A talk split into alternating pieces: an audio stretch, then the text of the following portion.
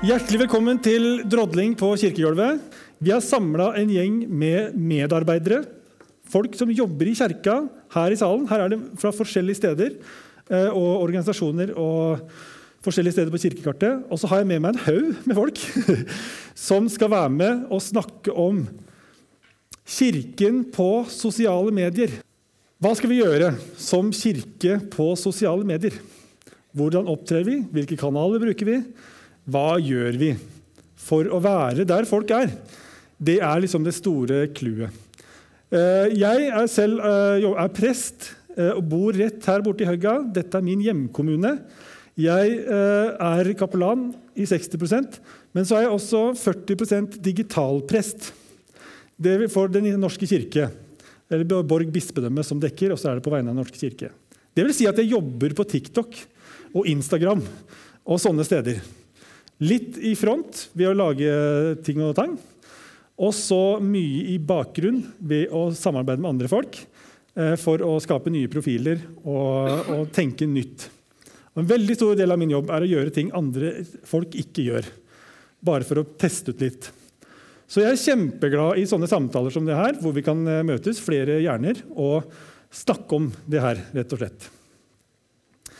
Vi har med oss uh, utrolig fine folk som skal presenteres uh, etter hvert. Men vi skal ha én først. Gunnar han står her. Gunnar Mar Kristiansson. Det mangler en S til slutt, og det beklager jeg. uh, dette her, altså Gunnar Gunnar. Han er rett og slett et fenomen fra, fra oppe i Lofoten. Han kan si mer om det. Men han, han var jo nominert til Trosopplæringsprisen med eh, Gudenes kamp, som dere må sjekke ut. Helt fantastisk bruk av digitale ting, men også natur og, og, relasjon. Helt nydelig. Han er her for å snakke om noe utrolig spennende han har vært med på og gjort, som er veldig nytenkende. Eh, som da handler om at han har vært på Discord. Som, vet ikke, det er kanskje Hvis det er noen gamere her Nikkes blant noen gamere som har hørt om Discord. En del studenter også. Men det er et sånt sosialt medium for hvor mange gamere har. Faste sånne kanaler. Der har han vært og gjort noe utrolig spesielt og fantastisk bra. Vi starter denne drodlinga med at du, Gunnar, snakker om det her. Vær så god. Applaus. Ja. Litt om meg sjøl mens jeg jobber med det her. Uh, Gunnar Kristiansson, Kabelon i Vågan Lofoten. Kommer opprinnelig fra Island. Jobber med lofotdialekter. Så det, vi får se om jeg kommer i mål. Uh, før jeg tenkte, å snakke om det som jeg gjorde på Discord, da tenkte jeg å snakke litt om sånn litt generelt. For vi lever i en samfunn som er bestandig i utvikling. Det er en del av den verden som er blitt litt usynlig for mange. Men han er der. Og det er gamingverden. Uh, vi gjorde oss ofte noen tanker når vi hører om en gamer. Det er en gutt vanligvis inneslukka på rommet sitt, helt fast bak datamaskinen. Har masse sosial angst og all slags sånne rare off lukter, kanskje. Og jo da, de finnes. de gjør det. Vi kan innrømme det. Til og med jeg har lukta inniblant. Men, men, men. Det er unntaket. Virkeligheten er kanskje litt mer sånn. Det her ser vi en bilde fra Dette er kanskje mer vanlig i storbyer, ikke ute på bygda. Men det er hva vi kaller LAN-kveld, hvor de møtes til å spille sammen. Veldig sosialt. Veldig gøy. Utfordrende. De utfordrer hverandre. Og, ja. Men dette er også det som skjer når du sitter alene på rommet ditt. Du er ikke alene. I dag påstår de at 2,6 billioner mennesker spiller dataspill i verden. 2,6 billioner. Det er en stor del av verdensbefolkningen. Eh, de sier at den størst voksende industri i verden, det er gaming. Største kulturelle influenser i framtida blir dataspill. Og Det er det som de snakker om i dag. Og Det forteller oss ganske mye om den endringen som skjer i verden. Det er jeg. På et vanlig fredagskveld uh, sammen med mine kompiser. Noen tar seg øl, uh, eh, festene i bakgrunnen. Vi spiller. Noen er på kamera, andre ikke. Det er veldig sosialt for meg og mine venner. Eh, der er litt fri plass til å baksnakke frua, hun hører ingenting. og, ja, føler meg, Men det, det, er min virkelighet for 40 år gammel kabelland i Lofoten. Til å sette det i kontekst for oss. Det her er Superbowl. For de som ikke vet, det er finalkampen i amerikansk fotball. I år var det 112 millioner seere på Superbowl. Det er ganske stort. Det er mange. Det er flere enn vi får på gudstjeneste. Det er helt klart. Det er finalen i League of Legends. Det er et mest populært dataspill i verden i dag. 70 millioner seere. I 2019 40 millioner. Så på tre år har det økt om 30 millioner. Jeg vet ikke hvor mange det blir neste år, men det blir sikkert flere. Så det, Da får vi litt kontekst hvor stort det har blitt. Men uansett det er litt så usynlig, for vi ser det på NRK hvert år når Superbowl er. Det er klart. Men det går helt forbi alle. Og da har vi dette gaming og vennskap. Vi har en teori, eller mange teorier om vennskap, men én teori påstår at det som du trenger, det er nærhet eller tilstedeværelse. Vi kan diskutere om det skjer via Discord og, og gaming. Eh, det er frekvens, og hvor lenge det varierer, og intensitet. Og alle disse her faktorene de lager vennskap, som regel. Og jeg vil påstå, og har opplevd, at det kan man få via gaming. Og En historie for, fra vår virkelighet i Norge. Kanskje mange husker den her. Det var mye i avisa her for tre-fire år siden. Jeg husker ikke helt. Mats uh, han ble født med en genetisk sykdom og ville aldri bli særlig gammel. Han var fast i en rullestol og hadde sitt sosiale liv online. Han spilte spill som heter Wolf. Og familien, som det står her, de forsto aldri verdien i det som han drev med online. Det, det gikk litt over hodet til dem. Men når han døde, da viste det seg noe annet. Her har vi noen av vennene som han spilte med, og avatarene som de spilte på Wolf. Og disse menneskene de reiste fra forskjellige steder i verden til å være med i begravelsen til Mats. Til og med en av dem bar kista på vei til kirkegården. Så det forteller oss ganske mye om de, den vennskapen som de hadde knytta mellom hverandre, uansett de aldri møtt hverandre i virkeligheten. Så det er absolutt sånn når vi, vi lager venner med Er det en enkelthendelse? Kan vi bare se bort fra dette og fortsette, eller er det noe større? Og Nå har jeg da lyst til å trekke inn noe fra min virkelighet. Og Det skjedde i fjor, i januar i fjor. Da hadde vi en forferdelig hyttebrann på Antøya, hvor det omkom fem mennesker. Fire barn og én voksen. Eh, alle de som omkom, var fra Våkan i Lofoten, hvor jeg jobber som prest. Dette er de ungene. Det er Henning og Mokens. De var begge to 14 år, eller blitt 15 snart. Gustaf brúðin til hann Múkens og Hedda sösturinn til hann Henning. Í tillegg döði Móra til Henning og Hedda, hún Lúísa. Það var náttúrulega sempetrist og, og mitt í korona traff lokalsamfunni ganski hardt og ég er í på mange móti ennå. Og í sorgararbeidet þá optaði ganski tíli í samtala með foreldrana að því guttana, begge tú, því var geimerar. Og þetta betýtti at det var noen venner der ute. Ikke sant? Og hvordan skal vi nå til de? For der, der, er ingen tvil, eh, Det var i hvert fall ikke i mitt sinne. Det var ingen tvil, og det var sorg som måtte ta grep i. Så det var ikke lett. Så man var litt sånn. Hvordan skal jeg gjøre det? Eh, men som dere så, da spiller jeg sjøl.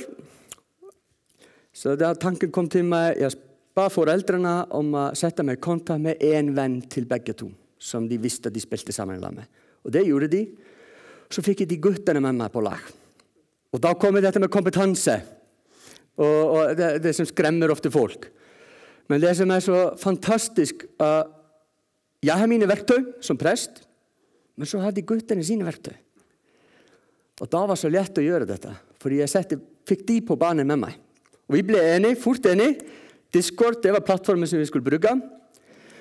De gutta de opprettet et rom. De samla sammen alle venner og venninner. Og så ble vi enige om klokkeslett og dato, og så møttes vi. Og vi hadde to minnesamvær, en for Henning og en for Mogens. Ca. 20 ungdommer. Alt fra Narvik til Oslo. Og det var en fantastisk stund. Tung stund, selvfølgelig. Naturen av dette her. Men vi fikk det til. Vi brukte Spotify. Eh, ikke alle som vet det. Hvis du lager deg playlister på Spotify, da var den tilgjengelig for alle. Du må gjøre den privat. Så vi fant playlistene som Mokens og Hennings hadde lagd, og så brukte vi musikken deres. og Den spilte under. Det var litt, litt av hvert. Ja, jeg kan innrømme noe av musikken vil ikke egne seg i kirka. Det er helt klart. Men det ble et fantastisk fristed hvor de kunne tulle, de kunne løfte opp historier, artige historier om kompisene som hadde gått bort. Det var veldig meningsfullt. Og Da kommer vi tilbake til dette spørsmålet. Igjen enkelthendelse. Trenger vi Kan vi si hva dette sier? Dette kom i uke. Jeg hadde hatt en minnestund. Og da skjedde noe. Det begynte å tikke inn meldinger og e-poster. Dere må bare gjøre sånn hvis tida begynner å løpe fra meg. Og Det kom all slags type meldinger. Uh, fleste var sånn hyggelige. 'Tusen takk Gunnar, for at du ser dette miljøet.' Andre var litt mer tøffe. En som hadde mist Kompisene forsvant, og så fant han ut at en av dem hadde i hvert fall dødd. Så det var veldig forskjellig. Noen var sånn uh, i og Mats. Han hadde vært syk som ungdom, hadde sitt sosiale liv online. Heldigvis ble han frisk og har stifta familie. Men det var ingen tvil etter uh, alle de meldingene som jeg fikk, at det er en behov der ute. En behov som ingen fyller per dato. I hvert fall ikke sånn som jeg åtte. Så da kommer vi til dette spørsmålet. Vi skal være kirka. Som du sa i starten, vi skal være der hvor folk er. Og veldig mange er online. Så da er det litt opp til oss å finne ut sammen i lag hvordan vi skal være til stede. Nydelig. Tusen takk. Applaus.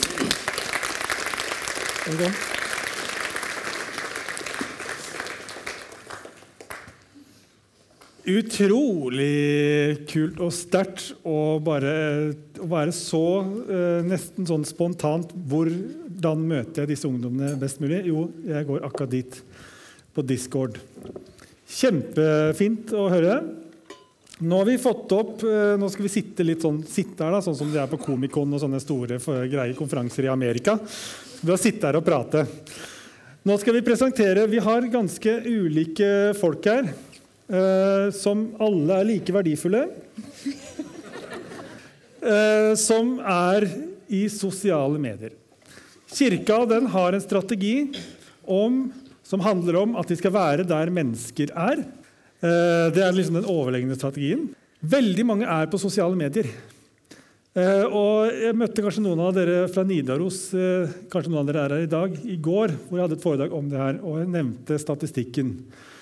Blant barn og ungdom fra 9 til 18 år så er 90% på sosiale medier. 50% av alle niåringer er på sosiale medier. De har ikke lov, men de er på sosiale medier.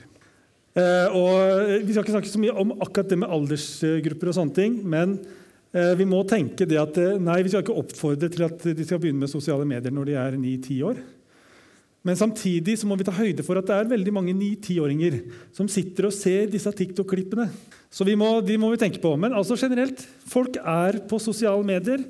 Vi som kirke vi skal være der folk er på sosiale medier. Vi skal skape mer himmel på sosiale medier. Eh, og så eh, har jeg nå fått med meg flere som er ute på sosiale medier. Og jeg har lyst til at vi først tar en sånn presentasjonsrunde hvor dere forteller litt om hvem det er, hva dere jobber med, og uh, hva dere gjør på sosiale medier. Og jeg har lyst til å starte med deg, Kristine. Mm. Ja. Jeg heter Kristine Lund Almås. Jeg jobber som kateket i Råde i Borg bispedømme. Um, har jobba der i tolv år. Og var på sosiale medier før, før pandemien. Men som for de fleste andre så eksploderte det jo i pandemien. Eh, er på Altså jeg er jo da det som heter prostikontakt også, da, for det prostiet som jeg er i. Så jeg prøver å koordinere kommunikasjonsarbeidet i det prostiet. Og, så, og da blir det mye Facebook. Sant? Og det er jo der mange menigheter har vært.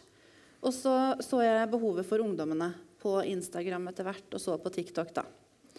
Um, så jeg har, har, mye kontakt med ungdom på Instagram. Og det er mange ungdom som tar kontakt med meg og vil ha typ sjelesorgsamtaler. Uh, og det er jo utfordrende å ha på digitale flater.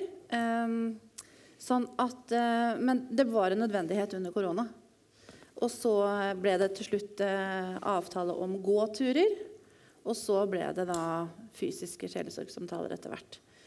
Og når vi da skulle se på statistikken, så var det ganske øyeåpnende, i hvert fall for meg.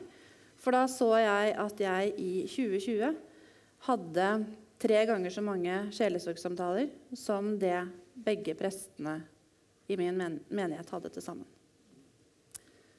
Og det har bare vedvart. Jeg tror det har en sammenheng med at helsesykepleiere har blitt tatt ut av tjeneste og, og, og satt andre steder, og nå er på vei tilbake. Um, og så har vi et gratis samtaletilbud som, som, um, som er mye lettere tilgjengelig enn mye annet. Mm. Sjelesorg, husk på det. Sjelesorg på sosiale medier. Det skjer det veldig mye av. Gunnar, dette her er Ok. Det der er Gunnar på Discord og, og, og greier. Dette er Gunnar i kirka. Til dere som er på TikTok. Du er på Instagram, og sånne ja, ja. Men, ja. men, han er altså ganske stor kjendis på TikTok. eh, og, er, og, og jeg synes det er veldig viktig når vi er medarbeidere samla Vi har en kapellan her òg. Vi har en kateket. Og nå har vi en menighetspedagog. Du er menighetspedagog, Gunnar, på ja. kirka. Ja. Gunnar på kirka. Gunnar i kirka. Ja. I kirka, Unnskyld. I kirka. Det går fint. Ja. Vær så god. Takk. Ja, Gunnar i kirka. jeg, er faktisk jeg er på alle Nei, ikke alle, for det er sikkert noen jeg ikke vet om. Men jeg er på TikTok og Snap og uh, Instagram og, og Facebook og, og Twitter. Uh, der, der, er det mye ungdom, altså. Nei da, men, uh, men, det er jo en del av, en del av pakka. Uh, det var konfirmanter som fikk meg på TikTok. De, de, jo, de, så jo at jeg var på Snap, og så tenkte de du må jo komme deg på TikTok. Og så ville de ha meg til å danse, og sånn, men de skjønte de jo at det var helt umulig. Så da Ja. Men så dukker det jo opp liksom litt sånn Du, jeg må si en ting til. Faktisk. Mm jobber i Grimstad kirke, eh, Grimstad menighet. Men jeg har lovt rektor på Grimstad ungdomsskole å si at det er tilkallingsvikar der. For hun syns det er litt stas at det er, en, at det er en som er på noe sånn som det her, som òg jobber på skolen. Så jeg, og så sier jeg det blir tatt opp. Ja, så, da, så, jeg har lovt, jeg har lovt rektor Ellen å si at jeg er tilkallingsvikar på Grimstad ungdomsskole. Det er jo millioner av potensielle ja. lyttere, selvfølgelig. Ja, så dette er stort. Ja. Så jeg, må, jeg, holdt på å klemme. Ja, nei da. Men det er, det er stas. Um, er, det er hyggelig at du kaller meg kjendis, men eh, i forhold til Laffen for eksempel, så er vi jo ingen av oss som når han opp til mm, Og så er det ikke sånn når jeg kommer inn og har en vikartime på skolen, så er det ikke sånn at de lurer wow, der kommer Gunnar i kirka. Det er ikke sånn, altså. Så jeg er ikke Nei. Um, men jeg er på TikTok og svarer egentlig på en del spørsmål, altså. Og jeg får mye spørsmål som handler om uh, hva vi egentlig tror på. Og så får jeg jo en del meldinger om uh, Eller og, hva en syns om de andre, de som vi så litt uh, klipp av tidligere i dag. Og, og er, er, det virkelig sånn, liksom? Og, så jeg får store, store og gode spørsmål. Alt fra hva skjer når vi dør? Kommer jeg til helvete, eller hva skjer? ikke sant? Og um, hva en mener om kontroversielle spørsmål. Og da syns jeg det er fint å kunne gjøre et forsøk på å svare, i hvert fall. Uh, ja. Så det er det jeg gjør stort sett på TikTok. Og så er det jo litt gøy at når en er på Twitter og sånn, så uh, I lille Grimstad, på Sørlandet, så er, Sørlandet er jo ikke veldig Det er jo ikke liksom Fotball-Norges mest sentrale strøk. Men når, vi syns jo det er stas at Start er i Obos-ligaen og Jerv i Grimstad er i Eliteserien. Og før, eh, før sesongstart så fikk Arne Sandstø, altså Jerv-treneren, fikk spørsmål eh, har dere forberedt dere godt nok. Og så sier han da, i et intervju som ble filma, så sier han at, svarer han at eh, ja, vi har gjort vår del av jobben, så nå er resten av jobben opp til Gunnar i kirka. og nå, men Jerv ligger helt sist i Eliteserien. Men ja. Og Start holder på å rykke opp. Det får vi nå se på. Det tviler jeg sterkt på, egentlig. Men ja, ja, ja vi får se. Ja, vi får se. Ja. Mm. Yes. Kamma holder seg iallfall oppe. det er det, det viktigste. Det er vi glad for. Uh, uh, og så har vi med oss uh, en også som jobber på kirkegulvet, men er en fagperson. Linn, mm. som jobber på MF. Ja. Jeg har ja, studentene mine her, så jeg har fått med meg heiagjeng. Fortell om ja. deg selv. Ja. ja, altså, Brage er alltid veldig god til å høyse opp andre, så han sier alltid ja, du er med som ekspert. Mm. Men her føler jeg meg egentlig som at jeg kommer til å lære ganske mye av disse. Men jeg jobber da på MF, eh, Vitenskapelig høgskole for religion, nei, teologi, religion og samfunn, som det heter, sånn kort. Eh, og så eh, har jeg, jeg er programleder for bacheloren som heter Ungdom, kultur og trosopplæring. Så det er liksom mitt hovedansvar. Eh, og så jobba jeg litt som studentprest på MF, også under pandemien. Og fikk eh, MFs studentprester på Instagram og Facebook. Så sånn sett så kan jeg si at jeg har testa det litt. og hadde også en god del sjelesorg på Instagram når, det, når pandemien sto på. Så jeg gleder meg til samtalen her. Det er mye vi kan snakke om i forhold til uh, sosiale medier. Uh, først har jeg lyst til å ta kjapt, det er i hvert fall dere to som er på en måte aktive på sånn uh, spredningssosiale medier. Hva er, måte, hva er den viktigste motivasjonen din for å bruke sosiale medier, Instagram og TikTok? Den viktigste motivasjonen tror jeg må være altså det som kommer ut av de samtalene man har. Eh, og den tilliten man blir vist, for det er jo en enorm tillit man blir vist, og den skal man forvalte på en god måte. Eh, og så treffer vi jo utrolig mange ungdom som vi ikke treffer på søndag klokka 11 i kirka. Eh, og vi skal være kirke der folk er. Vi har fått ny biskop i Borg eh, som er veldig opptatt av det. At vi skal være der folk er. Og da tenker jeg at skal vi ta det på alvor, så må vi også tørre å våge oss ut på de digitale flater. Så det, Den største motivasjonen tror jeg må være i de tilbakemeldingene som ungdommene faktisk gir. Eh, og at de viser at de kjenner deg når de kommer som konfirmanter eller som eh, Eller kommer som unge foreldre og skal døpe barna sine. Og, og du har hatt kontakt med dem før på Instagram f.eks. Mm. Mye relasjonstenkning her. Mm. Gunnar? Ja, Helt enig. Men for min del handler det altså, eh, Vi hadde visitas i, bispevisitas i, i, i, fjor, og da fikk jeg biskop Stein med på en, uh, på en TikTok hvor jeg bare spurte han hvorfor er du kristen. Og så sa han det handler om Jesus. Og, det, og jeg, motivasjonen min er, er jeg elsker jo å snakke om Jesus, rett og slett. Og om det jeg tror på. Det, det som på en måte gir livet så mye mening at eh, det, ja, at det er verdt å leve, leve for. Og det, det, det, det er liksom greia. Mm. Altså, og det er jo en, bare en Kall det en, eh, en alternativ eh, måte å forholde seg til misjonsbefalinger. Som ikke Jesus nevnte eksplisitt. Gå ut på TikTok og Ja, nei. Mm. Men det er jo, altså det er jo sånn uh, i, Når pandemien starta, så var det ganske mange som diskuterte De var godt voksne, lærde mennesker. Hvorvidt, eh, hvorvidt eh, altså gudstjenester på Facebook Det er ikke gudstjeneste. Det er et eller annet sånt crazy ei matrise Matrix, dere som tar den referansen. Eh, kjempefilm fra 90-tallet. at man liksom, når man er på gudstjeneste på Zoom eller på Facebook eller på YouTube, så er man i en annen verden. alternativ verden. Men du var jo inne på det at det, det er jo ikke slik. det er. Og, og, og den gjengse oppfatning, og det, det også på lærerinstitusjonene, har man kommet fram til at, at nei, det er ikke en annen verden, det er en og samme verden. Det er jo ingen av oss som går ut av vår egen kropp når vi deltar på en digital gudstjeneste. Vi er til stede med vår egen knopp, og så skjer det en sånn der mediering. liksom. Eh, Så når Jesus sier 'gå ut', så, så kan vi jo forsvare godt at vi er ute på sosiale medier. Det er mye, mye dritt der ute. Kan man si det? Bare så er det sagt. Når ungdommene, våre ungdommer når våre ungdommer sitter og ser de her tingene, hvor skadelig er det? Og Da tenker jeg både litt for dem som mennesker, men også omdømmet til oss kristne. for å bare si det rett ut. Gunnar? Jeg er stor tilhenger av voksennærvær. Uh, Det var sånn når jeg vokste opp. Det var noen foreldre på basketballkampene mine. Og så når vi begynte å kaste dritt i hverandre, da var noen voksne som kom inn og Nei, kom igjen.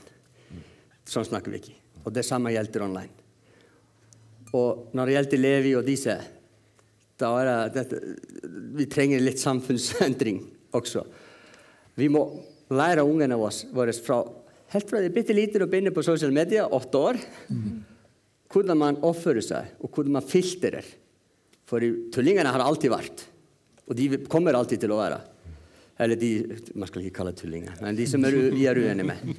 Men da er det så viktig at vi begynner å lære dem hvordan man skal, for Sosiale medier kommer ikke til å forsvinne. Vi må bare lære oss å leve med det. Og vi må bli enige om en slags samfunnspakt. Og da vokser nærvær. Og da betyr det at vi må engasjere oss. Jeg kan eh, prøve å kaste meg på. Eh, Jeg har i hvert fall hørt fra mine studenter jeg ser at en av de holder opp hånda, at det er ganske mange som kommer på konfirmasjonsundervisning og sier vi har sett på den og den, vi har sett på den og den. Mener du det? Altså at, at det blir en sånn De tester ut hvor, hvor er du hen i dette Hvor ligger du hen i disse spørsmålene? Hvor ligger du hen i dette her? Og da tenker jeg at det er jo eh, noe av det viktigste man kan gjøre som teolog, og der, der inkluderer jeg alle som sitter her, altså, eh, det er å, å rett og slett eh, gå inn i disse spørsmålene. Gå inn og snakke med folk og, og ha en samtale og svare på ting. Ha gjort seg opp en mening. Ikke være redd for å si at man ikke vet noe. Eh, og så snakke sammen. Eh, og så kan det jo være at en sånn Eh, og jeg har sett dette kan bli starten på en ganske god samtale om ja, men sånn her tenker vi i Den norske kirke, f.eks. Men Kristin? Du? Ja. Ja. Du snakker om voksent nærvær. Men hvis man går gjennom kommentarfelt på både Facebook og Instagram, så er det faktisk voksne som er noen av de verste yep. i dagens samfunn på å kommentere drittslenging. Og dette er jo besteforeldre, foreldre som er på en måte dagens verstinger. Og disse blir jo eksemplarer for da ungdommer som leser gjennom dette. Eh, hva tenker vi da om voksent nærvær når voksne er verstingene? Jeg har min teori. Det er, så vidt som jeg vet, har ikke vært gjort noen ordentlig forsøk til å forstå hvorfor det er sånn. Men de er ikke vokst opp med den De skjønner ikke den virkeligheten. De skiller mellom virkelighet og Internett. Mens de, spesielt de som vokser opp med det, gjør det ikke. Jeg er den siste generasjonen sikkert, eller nest siste som vokser opp uten Internett. Så det er litt vanskelig for meg å sette meg inn i den virkeligheten som guttene mine opplever, f.eks.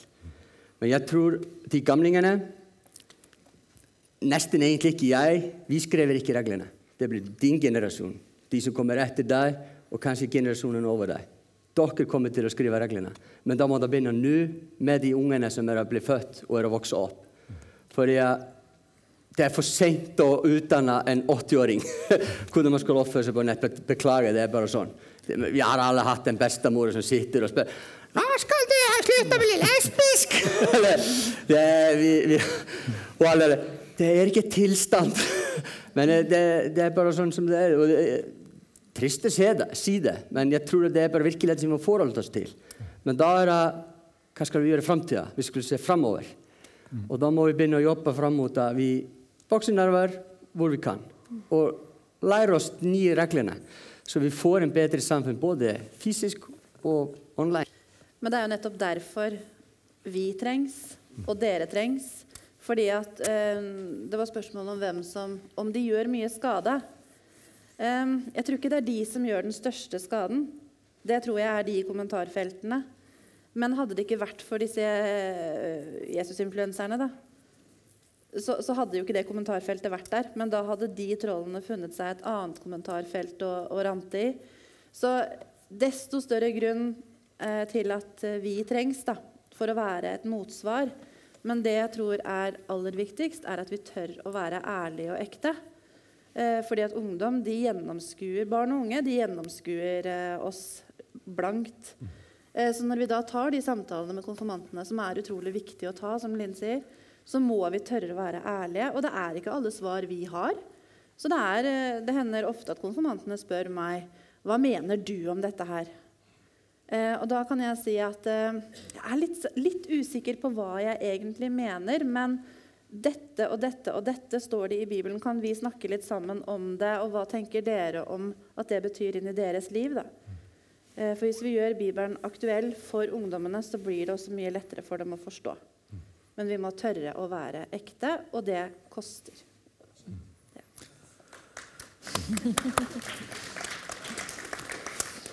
Det koster Du vil si noe? Ja, for det er jo akkurat det med å være ekte. Eh, det er kjempeviktig. For vi blir gjennomskua eh, veldig fort og lett.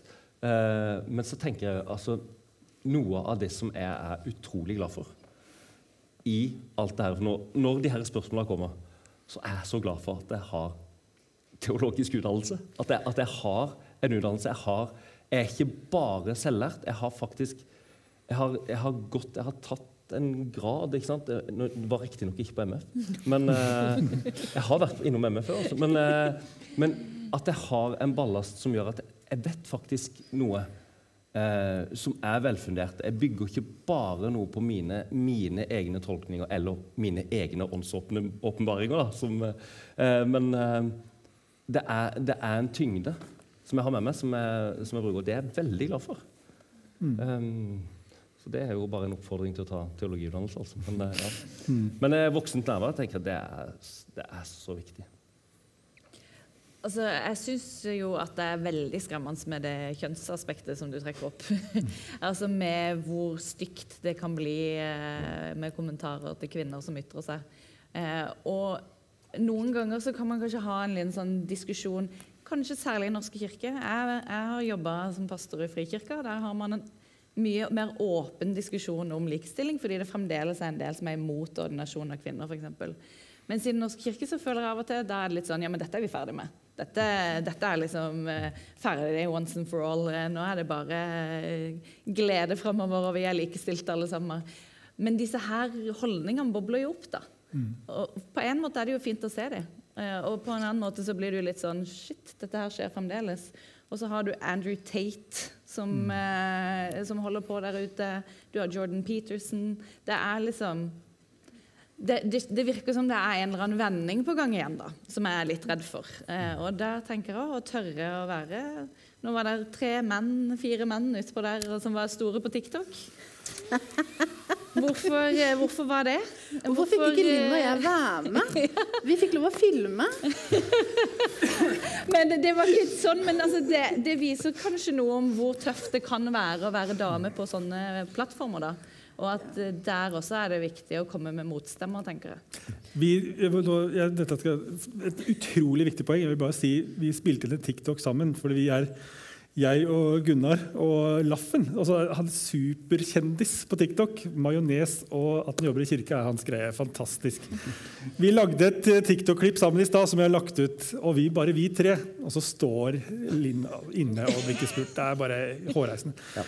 Men, eh, så det er jo kjempeteit. Eh, men jeg kan snakke litt på vegne av meg selv. Jeg legger ut uh, masse ting. Og jeg har ofte veldig, sånn, hatt litt sånn angst for uh, hvordan reaksjonene vil bli. Vil jeg få mye av den dritten som veldig mange får? Men jeg har ikke fått så veldig mye. Men så la jeg ut klipp med den nye biskopen, Kari Mangerud Alsvåg. På min konto, hvor jeg bare filmer henne. Hun snakker litt om uh, å, jeg har blitt biskop, og hvor fint det er. Hva, spør om hva, hva tenker om tro, og bla, bla. Nei. Og det ramler inn med stygge kommentarer. Med gutter, unge gutter, da, de fleste, når jeg går og sjekker kontoen deres og sånne ting. Dritt om kvinner, liksom. Kvinnelig prest! What?! Har du lest Timoteus? Og så ram, ramser de opp alle sånne bibeltekster som man har brukt tidligere.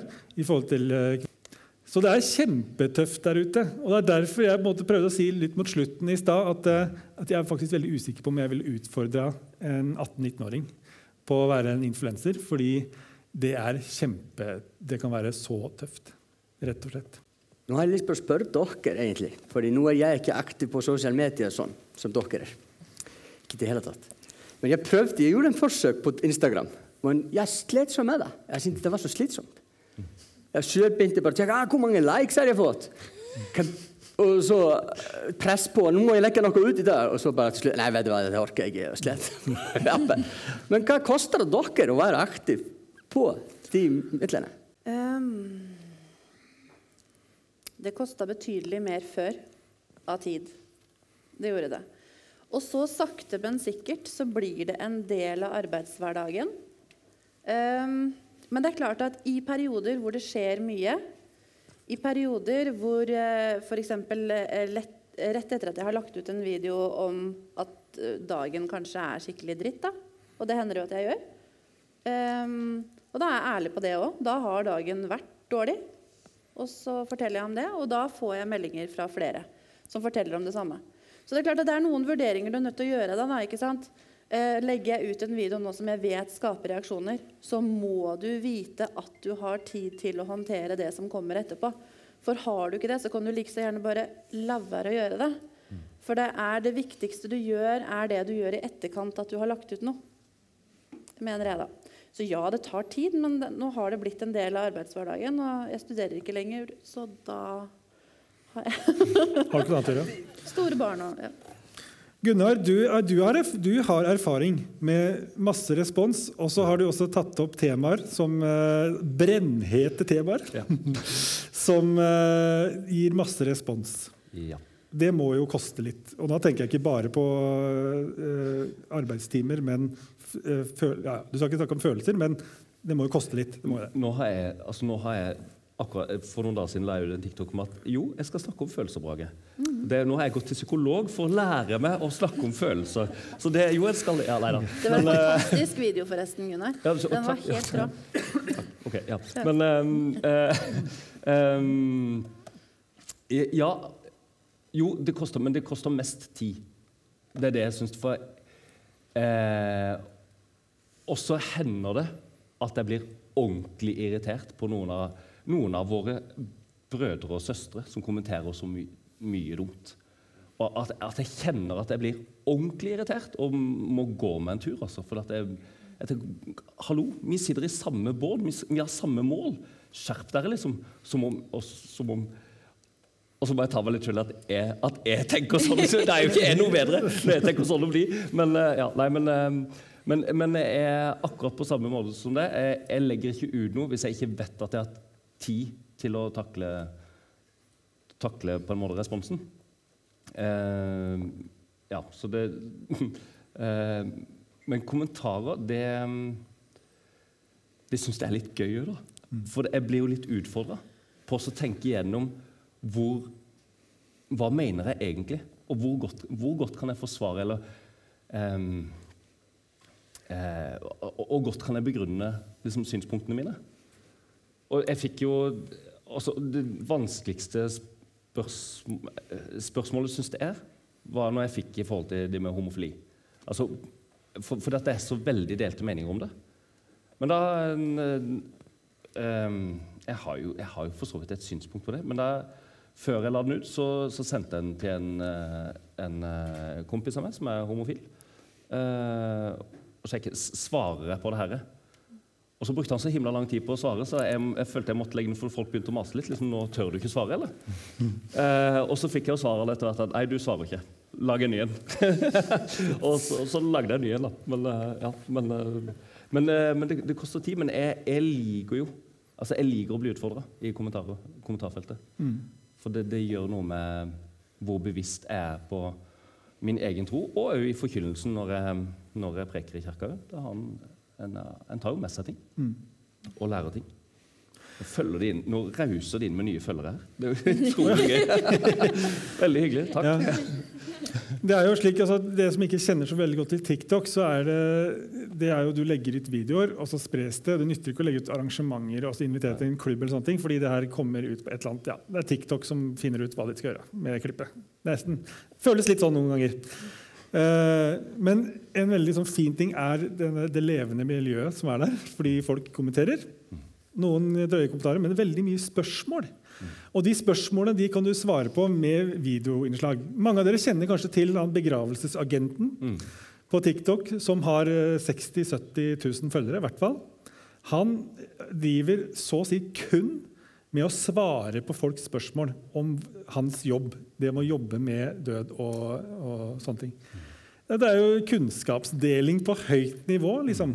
Og noen ganger så blir det sånn også eh, for oss som eh, driver med livssyn. Jeg tror livssyn er eh, ganske vanskelig å drive med på TikTok fordi det kommer mye sånn. Men veldig ofte så er det faktisk ganske nysgjerrige mennesker som er interessert og eh, har lyst til å høre.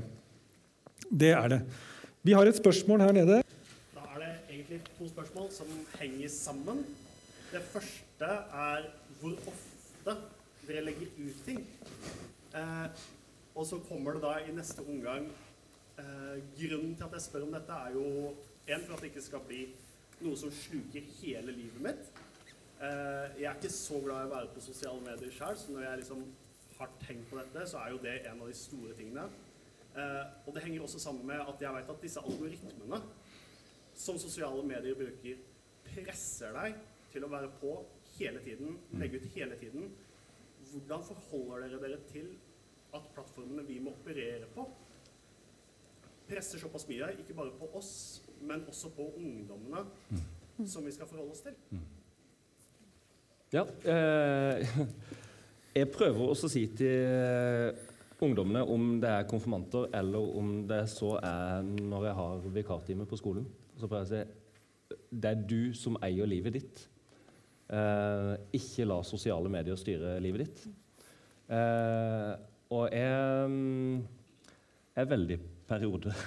Det, det, det jeg, jeg følger ikke altså jeg, jeg har bare skjønt at det nytter ikke Det nytter ikke å henge med på de algoritmene. Så når jeg har tid, og hvis jeg kan få lagt ut mye, så prøver jeg å gjøre det. Men eh, jeg vet ikke sant Jeg er jo sånn, eh, sånn deltidspappa. Ikke, nei, det er jeg ikke. Men det, det ble helt feil. Jeg er 110 pappa, men er ikke, ungene er ikke alltid hos meg. Eh, Så? Når, når ungene er hos meg, da, da gjør jeg ikke Da er, da er ikke sosiale medier viktig. Eh? Så, jeg, så jeg har bare gitt opp algoritmene, og så gjør jeg det når jeg kan. Men så sa du noe om at du Du, eh, du var litt sånn Du var ikke kjempebegeistra, virka det som, for sosiale medier.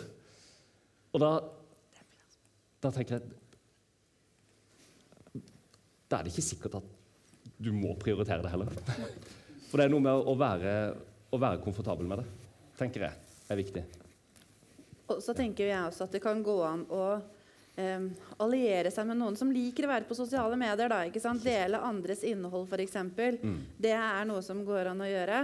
Eh, jeg fikk et spørsmål fra en, det, fra en konfirmant her eh, forrige uke. Um, vi hadde en ungdomskveld uh, som sa at nå har vi hatt ungdomskveld tre ganger.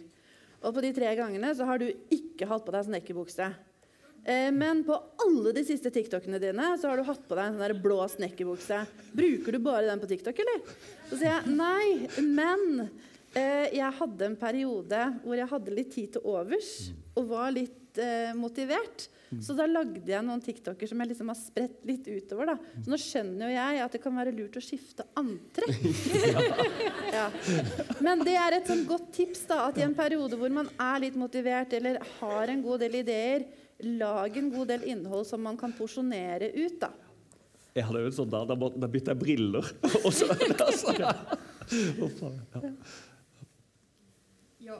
Um, det nevnte det der med eh, kvinner på sosiale medier. uh, og uh, at du ikke nødvendigvis vil oppfordre til å bli influensere, men at det likevel er viktig å ha en motstemme der. Uh, så lurer jeg bare på hva, hva vil det si, og hva vil det eh, komme med av motivasjoner for at kvinner skal gå ut og være der? Det er ikke så fryktelig fristende, for å være helt ærlig. Det er et kjempegodt spørsmål. Fordi jeg, sa, jeg er skeptisk til å sende ut folk på eh, Du kommer jo på podkasten. Den funker på podkasten, men ikke her ute. Ja. Eh, eh, ja, altså, hva gjør vi? Vi kan ikke ha det sånn at, eh, at det er lov å slenge dritt om kvinner. Der er vi ikke lenger, egentlig. ikke sant? Så hva gjør vi med det? Og jeg, jeg tenker at selvfølgelig Hvis jeg hadde visst at hvis du kom til meg La oss si det er 19 år, da. Så hadde du kommet til meg og jeg er klar. Så ville jeg gjort alt jeg kunne for å støtte og backe deg opp. Hjelpe til å kommentere og debrife. Det er noe av det beste du kan gjøre. Eh, for at du skulle holde ut. Fordi vi trenger det. Rett og slett. Vi trenger eh, jenter som er der ute og, eh, og tår, viser at det, man kan være kvinneprest, eller hva det enn skulle være. Man kan være kristen og kvinne samtidig. Det er en del som ikke forskjønner det. Det, del, det høres banalt ut, men vi, vi er der. Er faktisk, dere erfarer det, dere òg, at det er så mye nedlatende drit, unnskyld språket, mot en del jenter. Men hvis vi har noen som er villige til å stille opp liksom, eh, Og det, det handler ikke om alder, alder nødvendigvis. For vi, Det kan godt være en 65 eh, år gammel kvinneprest eller hva det skal være, som har, har får til det her, å kommunisere sånn. Vi, det trenger vi, rett og slett. Det er mange spørsmål nå. Og, kan jeg komme med en kommentar inn på dette? Kom, kommentar, og så skal Veldig Henrik kort. først, og så Det er, også, det er vanskelig å være den som skal bryte grenser. Det koster. Så tanken er kanskje også å gå inn i dette som en som skal være og endre verden, i stedet for å bli populær. For alle kvinner som måtte Første biskop, første prest, første politidamen De fikk masse dritt, alle sammen. Stakkars damene. Men det er ofte sånn at du må bare stå på og stå i det og samle godt folk rundt deg. Så hvis du vil, gjør det. Men det, vær oppvis- oppmerksom på at det kan koste. Og så er vi ikke alene. Sant? Ja. Nesten, nå er det nesten så jeg får lyst til å si 'glory'. Nå er det akkurat det. Vi er ikke alene. Og, altså, det er en historie om Moses som skal Det er en, en krig. Og så lenge Moses holder hendene sine oppe, så vinner israelittene. Men alle som har vært på et mm, møte, lovsangsmøte eller noe sånt, vet at holder du hendene oppe lenge nok, så blir du sliten. Så Moses, tøffingen, profeten over alle profeter, han trengte noen som kunne stå og holde hendene hans. Og da tenker jeg at de jentene, damene altså, Du vet at gutter på 17 tror de er menn, og damer på 70 de reiser på jentetur. Så alle, alle som skal ut der da i krigen, de trenger noen som kan støtte seg rundt seg. Det er det vi trenger. Og Det er en del av min stillingsbeskrivelse. og jeg tenker at det, det må vi alle tenke. Og når vi har ungdomsarbeid og konfirmanter, vi ser folk som holder på, så må vi hjelpe dem. Ja, Det var egentlig bare en oppfordring eh, om å skaffe seg noen forbedere. Eh, for det er ikke alle som trenger å være der eh, på de sosiale mediene. Men eh, for de som er der, så tror jeg det kan være kjempefint hvis det er noen som ber rundt, og som har det som sin bønnetjeneste, rett og slett. Eh, ja. Jeg har veldig tro på det. Vi må be for hverandre. Nå, jeg rekker bare én til, for vi må forte oss på gudstjenesten. De er så sure i IKO på at eh, folk ikke dukker på gudstjenesten. Hvert år. Det er ikke min skyld, altså, men vi har en fra Halden her. Eh, dere snakker om disse fæle trollene i kommentarfeltene. Eh, jeg har noen ganger gjort den øvelsen, kanskje ikke nødvendigvis på sosiale medier, men i type nettavisfelter, at jeg tar liksom en, eh, en dugnad på å gå liksom den skikkelig kverulantiske motstemmen.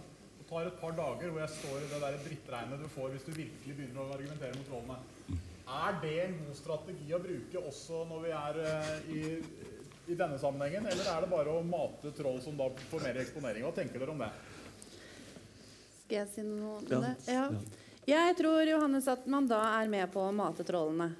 Um, så jeg Det kan godt hende at det er en litt sånn feig strategi. Men, men jeg tror at de kommentarene som de har, de får stå for seg selv. Og hvis vi begynner å argumentere på det, så vil de bare fortsette. Og så vil det spise opp vår energi. Så jeg tror at vi skal bruke den energien til å heller lage mer innhold, heie på hverandre og skape eh, god stemning. Da. Fordi de trollene får vi ikke gjort noe med uansett.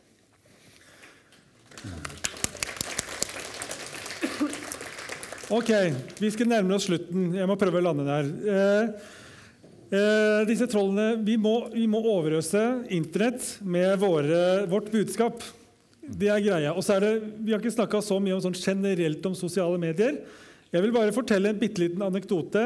For eh, to uker siden så eh, skulle jeg legge ut eh, noe greier på Facebook-sida til menigheten jeg jobber i. Ullensaker menighet. Brukte kjempelang tid på å spille inn et videoklipp. Bla, bla, bla, bla. Satt opp og gjentok, gjentok, gjentok. For jeg skriver aldri manus. Jeg bare sier det, og så, sier jeg det fram til det funker. La ut 30 likes, og det var noe tanta mi og et eller annet som lik- likte det. Søndagen etterpå så, Nei, lørdagen. Det var en lørdag. Klokka 11 hadde vi en dåpsgudstjeneste med ett barn, tre ungdommer som skulle døpes. Det er fest altså når det er det. Så spør jeg etterpå kan dere bli med på et bilde. Da tar de bilde av meg, dåpsbarnet, og disse to ungdommene som ble døpt. Tre av fire på bildet var døpt. La det ut på Facebook med en gang. Det kosta fem minutter å gjøre det. Og bare bam! 150 som så. Poenget med den lille anekdoten det trenger ikke å være så innmari vanskelig. Sosiale medier er litt amatørenes verden. Takk Gud for YouTube og TikTok, hvor vi har fått delt så mye kunnskap. Det er amatører som gjør det. Og det er bedre enn eh, dokumentarer på BBC og sånne ting. Faktisk. Takk og lov for det. Og så kan det holder oss til å ta et bilde. Og du kan ta bildet, Bildet som vi bruker på når det er gudstjeneste i Ullensaker kirke, det er ikke jeg som har funnet på det, det er av et tomt kirkerom i Ullensaker kirke. Og av orgelet. Og Første gang vi brukte det bildet, folk var jo helt i ekstase. Det trenger ikke å være komplisert, du trenger ikke å utlevere deg, men det handler om å bare være der, få ting ut eh, og være til stede på, på den måten. Så det trenger ikke å være vanskelig. rett Og slett. Og ikke bli bitt av denne hashtag-galskapen. Den er en gave når du skjønner dette med hashtag. At det handler ikke om at du bare sier akkurat hva du føler. 'Jeg føler meg lykkelig og glad', bla, bla, bla. Den får deg ikke ut. Men når du sier noe som eh, sprer, som du vet fungerer eksempel, og det er det siste jeg skal si Når Den norske kirke skulle reklamere for konfirmantene for et par år siden, Det kan diskuteres om det var lurt å gjøre det på bare den måten. Men én måte de gjorde det på eh, Tante Randi, som er reklamebyrået til eh, Den norske kirke Da bestemte man for vi slutter å sende ut pamfletter disse greiene, til alle ungdommene. Kan diskuteres om man skulle gjort det. Men vi bruker all energien vår på TikTok. Og vi bruker hashtaggen hashtag konfirmantene i løpet av noen uker. Og da samla de eh, Heidi, som jobber i Kirkerådet med sosiale medier, samla en gjeng med oss. Laffen og flere, jeg vet ikke om, det var flere som sa da sa kan dere, nå må dere produsere masse og bruke den hashtaggen som forteller noe om hva vi driver med i konfirmanttida. slik at de kunne se. Det tok ikke mange ukene før de runda en million. I løpet av et halvt år fire millioner. Nå ligger det på 14-15 millioner. Og vi fortsetter å legge ut. Et klipp for eksempel, det er om dåp av ungdommer. som dere så i sted. 150 000, eh, 12 000 likes. Spredt til hele Norge, som ungdommer ser. Sånn bruker du hashtag. Husk på det. Og sånn fungerer hashtag i alle sosiale medier. Tenk på det. Hashtag er eh, veldig viktig, og logoen til trosopplæringskonferansen Sjekk ut den, for den er faktisk ganske dyp. Hjertelig takk for at dere har vært med på eh, drodling sammen med oss. Kom dere inn på gudstjeneste. Tusen takk for nå, og følg oss på sosiale medier.